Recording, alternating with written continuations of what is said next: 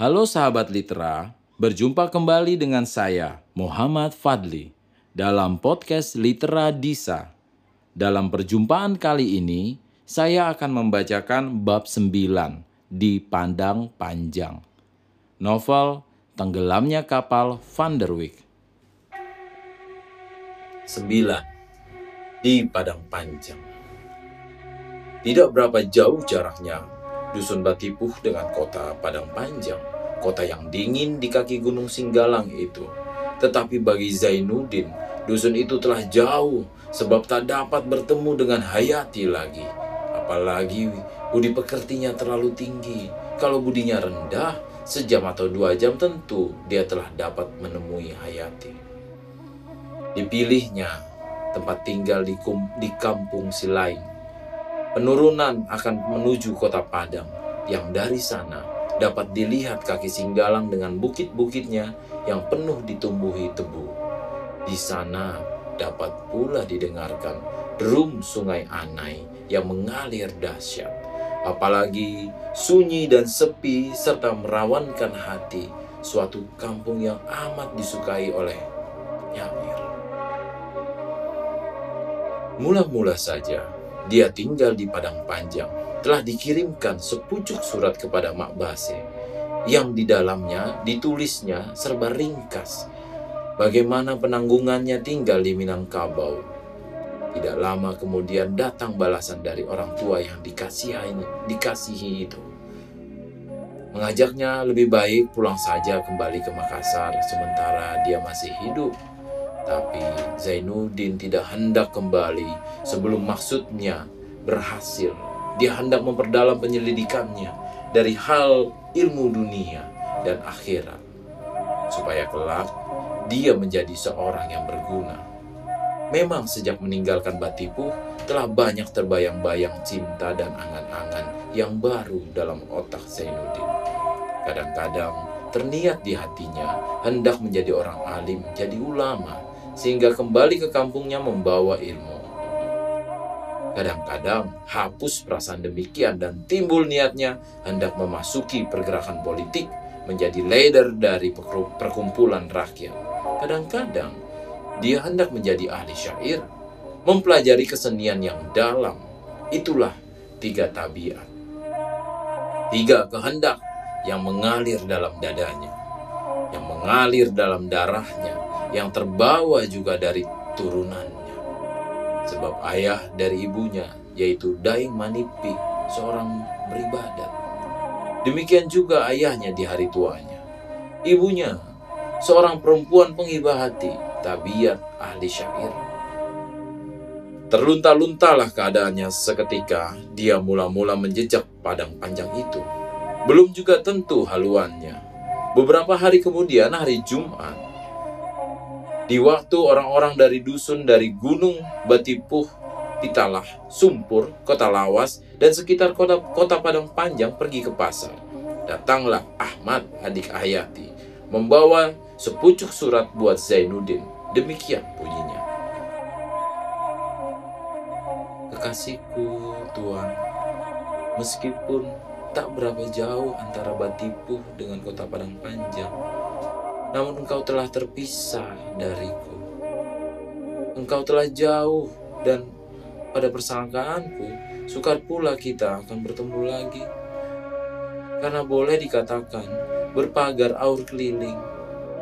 Langkah senantiasa dicurigai oleh keluarga, meskipun di Padang Panjang itu ada rumah seorang sahabatku. Hadijah Tentu pula saya tak dapat datang dengan leluasa ke sana, sebab saya telah diberhentikan dari sekolah. Kalau tak ada sebab-sebab yang pantang, tak boleh keluar rumah. Telah jauh sekarang kekasihku. Alangkah besarnya kemalanganmu dan kesengsaraanku. Alangkah gelapnya dunia di sekitarku. Saya telah menipu diri sendiri ketika saya memberi nasihat menyuruhmu berangkat meninggalkan Batipu. Pada sangkaku ketika itu, sebagai kuterangkan kepadamu, saya akan sanggup menahan hati berpisah dengan engkau. Tetapi setelah wajahmu yang muram itu, mata yang selalu membayangkan kedukaan, perkataan yang selalu menimbulkan kesedihan, setelah semuanya hilang dari mataku, barulah saya insaf bahwa saya ini seorang gadis yang lemah hati, yang tak kuat, yang tak sanggup menanggung kedudukan dan kesedihan hati lebih daripada semestinya. Saya nasihatkan supaya engkau berangkat ialah karena perintah pertimbangan akal, memikirkan akibat dan ancaman. Tetapi setelah engkau pergi, Perasaan hati yang tadinya dikalahkan oleh pertimbangan telah memberontak pergi. Telah memberontak kembali wajahmu, mukamu, matamu. Semuanya kembali terbayang. Payah saya menahan air mataku. Seketika melepasmu pergi, takut saya akan menangis. Supaya engkau jangan terlalu bersedih. Sebab sudah cukup sudah amat cukuplah pengedaan yang engkau tanggungkan daripada mamaku. Dan seketika air mata tak tertahan lagi, itulah sebabnya saya tanggungkan daripada mamaku.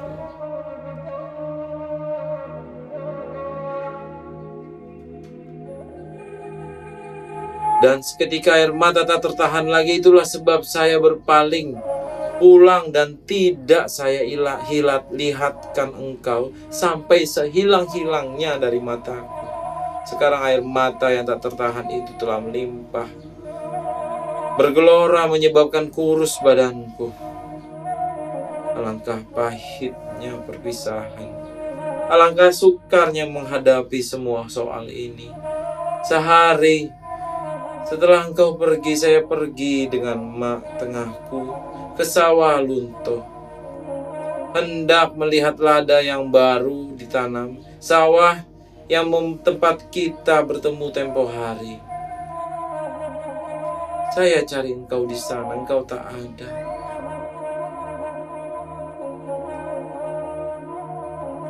Saya naik ke danau, tempat kita berhenti, tempat mula-mula mengetahui rahasia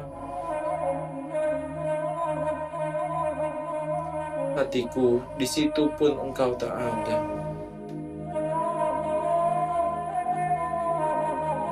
Engkau sudah jauh, engkau tak akan datang lagi. Oh, itu danau seakan-akan berkata, bangku yang kita duduki selama seakan-akan berkata, bangku yang kita duduki seakan-akan bercerita. Seketika akan saya seberangi bandar tempat engkau jatuh. Bandar itu masih tetap sebagai sedia kala.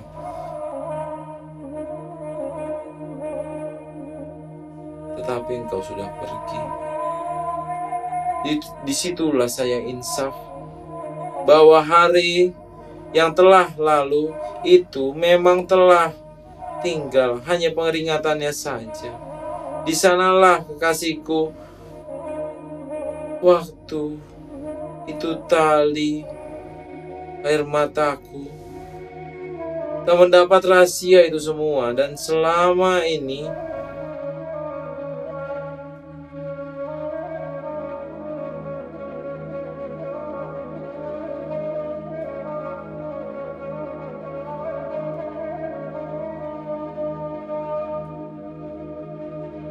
sanalah kekasihku, di waktu itu tali air mataku tak tertahan lagi sehingga mak-mak tengah yang selama ini belum kenal benar akan rahasiaku.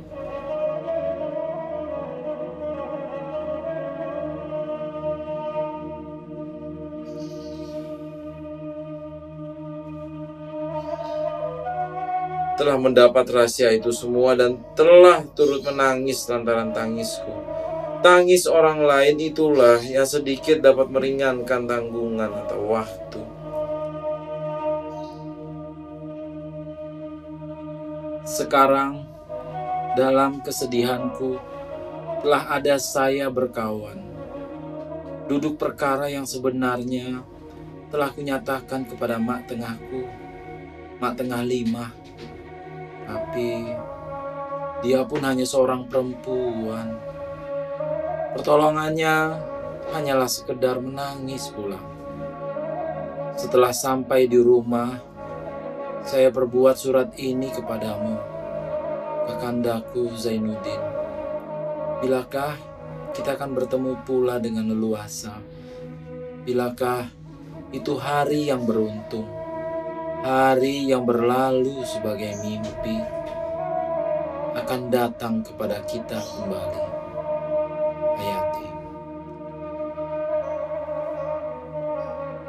Hari Jumat di mukanya. Surat itu telah dibalas oleh Zainuddin. Demikian bunyinya.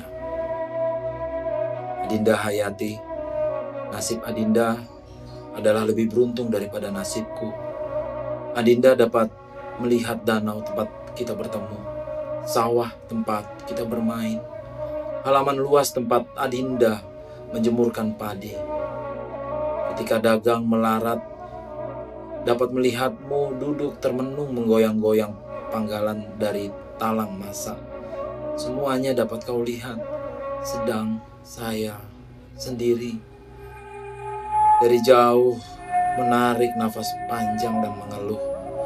Sebab alam sekelilingku yang ramai bagi orang lain, sepi rasanya bagi diriku. Sejak meninggalkan Batipu, terasa benar olehku bahwa saya ini seorang dagang di sini. Jauh dari kampung halaman, jauh dari tanah darah tertumpah. Sedangkan di Batipu saya tadi akui orang sama. Kononlah di dalam kota begini, yang hidup manusia. Siapa lu, siapa gua. Adinda Hayati, petaruhmu seketika saya akan berangkat. Masih ku genggam erat, masih ku pegang teguh begini sulit, begini gelap dan samar, haluan yang akan kuturut. Namun, saya tak pernah putus asa, sebab masih berdenging dalam telingaku rasanya petaruhmu. Menyuruh berani, menyuruh tetap hati, keras kemauan, dan sabar menempuh kesulitan hidup. Kalau bukan karena itu, telah putus asa saya menghadapi pahit hidup. Mau agaknya saya menyesali nasib tersesat kepada dosa yang maha benar, yakni mengumpat Tuhan, menyalahi takdir. Janjimu bahwa jasmani dan rohanimu telah dipatrikan oleh kasih cinta dengan daku adalah modalku yang paling mahal. Biarlah dunia ini karam, biarlah alam ini gelap, biarlah biarlah seluruh manusia melenggongkan mukanya ke tempat lain bila bertemu dengan aku. Biarlah Biarlah segenap kebencian memenuhi hati insan terhadap kepada diriku dan saya menjadi tumpahan kejemuan hati manusia. Namun saya tak merasa berat menanggungkan itu semua. Sebab kau telah bersedia untuk Ya hati, kirimi saya surat yang banyak-banyak. Terangkan padaku perkara-perkara, baik yang kecil atau yang benar. Bujuk aku, sesali aku, marahi kalau aku pandang baik Ketahuilah bahwa demikian aku akan merasa keindahan dan kelezatan bercerai-cerai ganti dari keindahan bertemu. Dan biarlah Tuhan Allah memberi perlindungan bagi kita semua. Zainuddin. Bersamaan dengan surat yang diterima Zainuddin itu, Khadijah, sahabat Hayati menerima surat pula begini bunyinya. Ija, Jangan kau bosan menerima suratku. Masih bertimpa-timpa saja kesedihan yang mendatangiku. Kepada siapakah akan kuhadukan hatiku, kalau bukan kepadamu jua? Sebab aku tahu, aku insaf. Engkau seorang anak perempuan yang bermuka murung, yang beralam lebar, yang tak sudi membiarkan kesedihan berkuasa di hatimu. Langkah jauhnya perbedaan hati kata kita, ada yang akan kuterangkan kepadamu. Zainuddin, Anak muda yang telah berapa kali kuterangkan kepadamu itu telah tidak ada di Batipuh lagi. Telah pergi. Perginya seakan-akan kena usir. Semua orang membenci dia, orang yang tak tentu asal, hendak mengacau dalam kampung orang beradat. Demikian tuduhan mereka kepadanya. Tahukah engkau ke mana dia pergi? Tak jauh, dia di sini. di dekatmu di padang panjang. Meskipun dalam surat-suratmu kerap kali engkau mentertawakan saya, mengatakan bahwa kecintaan saya kepadanya hanyalah karena digila bayang-bayang, angan-angan yang mula-mula timbul dalam hati seorang anak gadis yang berangkat besar. Percayalah sahabatku, bahwa Zainuddin orang baik, lurus, pendiam, penyantun, dan amat pantas dikasihani. Engkau tak menghargakan dia sebab engkau belum berkenalan dengan dia. Sangat ingin hatiku hendak ziarah kepadamu, hendak menjejak kota Padang Panjang. Tapi engkau sendiri telah tahu bahwa sekolahku telah tamat, mengajiku telah khatam. Diplomanya ku dapat bukan dari guru, melainkan dari mamaku. Kalau tak ada keperluan penting, saya tak boleh pergi kemari. Tapi saya sabar, saya masih menunggu dengan penuh kepercayaan bahwa pada satu kali kelak saya akan menjejak rumahmu juga. Moga-moga engkau beruntung dalam hidupmu, sahabatku. Yati. Padang Panjang Sebelum terjadi pemindahan pasar dari pasar usang ke pasar baru, adalah kota tersebut menjadi pusat perniagaan yang terbesar di bawah Padang. Sebagai kota bukit tinggi pada hari ini, sampai terjadi peperangan dunia 1914-1918 yang hebat itu, kota Padang Panjang masih memegang kejayaan dalam urusan perdagangan. Pada masa itu masih dapat dilihat toko-toko yang besar, kedai kain yang permai, berleret sepanjang pasar di atas dan pasar di bawah. Dekat jalan ke Masjid Raya menuju Lubuk Mata Kucing. Di sanalah saudagar-saudagar yang ternama berjuang hidup memperhatikan jalan uang dan turun naiknya kurs uang. Saudagar-saudagar yang ternama seperti Haji Majid, Haji Mahmud, Bagindo Besar, Haji Yunus adalah memegang tampuk negeri tersebut. Sekian lamanya. Krisis perniagaan yang terjadi sehabis Perang Dunia telah menyebabkan kota ini lengang. Saudagar-saudagar yang masyur dan ternama telah banyak yang meninggal dunia. Yang muda-muda banyak yang jatuh. Sehingga dalam setahun dua saja, lengganglah negeri itu. Saudagar-saudagar telah pindah ke Padang, Bukit Tinggi, dan ada yang menyeberang ke negeri lain. Maka, rumah-rumah besar, tokoh-tokoh yang indah, dan kedai-kedai kain yang dahulunya dipenuhi oleh kain beraneka ragam kosong. Negeri Padang Panjang sepi jadinya, bagai negeri dikalahkan Garuda. Tetapi kesepian itu tidak dibiarkan lama oleh keadaan. Karena dalam 1916, Tuan Zainuddin Labai mendirikan sekolah diniyah, satu sekolah agama yang mula-mula di Sumatera Barat, timbalan dari sekolah Adahiyah di Padang. Pada tahun 1918 didirikan orang Sumatera Tawalib, yaitu murid-murid dari Tuan Guru Haji Rasul yang dahulunya belajar secara pondok. Model yang lama. Telah diubah aturan pelajarannya dengan aturan sekolah pula. Dengan kebijaksanaan seorang guru muda bernama Hashim dari Tiku, pada masa itu pula, gubernamen mendirikan sekolah normal di Padang Panjang. Maka, lantaran itu ramailah Padang Panjang kembali. Bukan ramai oleh perniagaan, tetapi ramai oleh murid-murid mengaji, murid sekolah, murid sekolah normal yang datang dari seluruh Sumatera. Sekolah normal tidak begitu kelihatan ramainya, karena keluarnya hanya sekali seminggu. Tetapi murid-murid sekolah agama itu telah memenuhi rumah-rumah yang kosong tadi sebab tidak termuat lagi di surau jembatan besi meskipun telah diperbesar. Dalam tahun 1923, bergoncang pergaulan murid-murid sekolah agama itu lantaran salah seorang di antara guru-guru yang begitu banyak. Pulang dari perlawatannya ke tanah Jawa telah membawa faham merah komunis sehingga sebagian besar murid-murid kemasukan faham itu. Dan lakon kota Padang Panjang yang lama telah dihabisi oleh gempa bumi yang dahsyat pada 28 Juni 1926. Kota itu adalah kota kemajuan, Murid-murid sekolah agama yang belajar di sana telah merubah bentuk orang siak atau santri pelutuk yang tersisih dari masyarakat lantaran hanya mengetahui kitab-kitab bahasa Arab. Dengan kepala dicukur, kain pelekat kasar, dan baju gunting Cina. Semuanya telah ditukar dengan model yang baru. Murid-murid telah boleh berdasi, boleh berpakaian cara barat, karena agama bukan pakaian, tetapi sanggup bertempur, berjuang di jalan menjalankan Allah. Dalam pada itu, oleh guru-guru diizinkan pula murid-murid mempelajari musik, mempelajari bahasa asing sebagai Belanda dan Inggris. Sekali dalam setahun di Padang Panjang diadakan pacuan kuda dan pasar malam bernama Keramaian Adat Negeri. Adat ini dilakukan di tiap-tiap kota yang terbesar di Sumatera Barat sebagai Batu Sangkar, Payakumbuh, Bukit Tinggi, dan Padang. Maka keluarlah bermacam-macam pakaian adat lama, berdestar hitam, bersisit keris, menyandang kain sumbiri, sejak dari yang muda sampai kepada penghulu-penghulu. Kaum perempuan dari kampung-kampung memakai tiluku pucuk.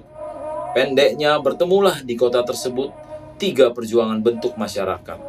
Bentuk adat lama yang dipertahankan oleh penduduk kampung, bentuk pakaian secara orang agama yang modern di dalam kota, dan bentuk angku-angku yang pada masa sekarang ini biasa disebut intelektual. Meskipun kadang-kadang sebutan itu tak mengenai kepada artinya yang sebenarnya.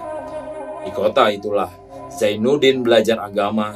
Dalam mempelajari agama, diambilnya juga pelajaran bahasa Inggris dan memperdalam bahasa Belanda. Malam dia pergi kepada seorang sersan pensiun di Guguk Malintang, mempelajari permainan biola. Kadang-kadang diikutinya pula sersan itu bermain di medan yang ramai-ramai karena menurut keyakinannya adalah musik itu menghaluskan perasaan.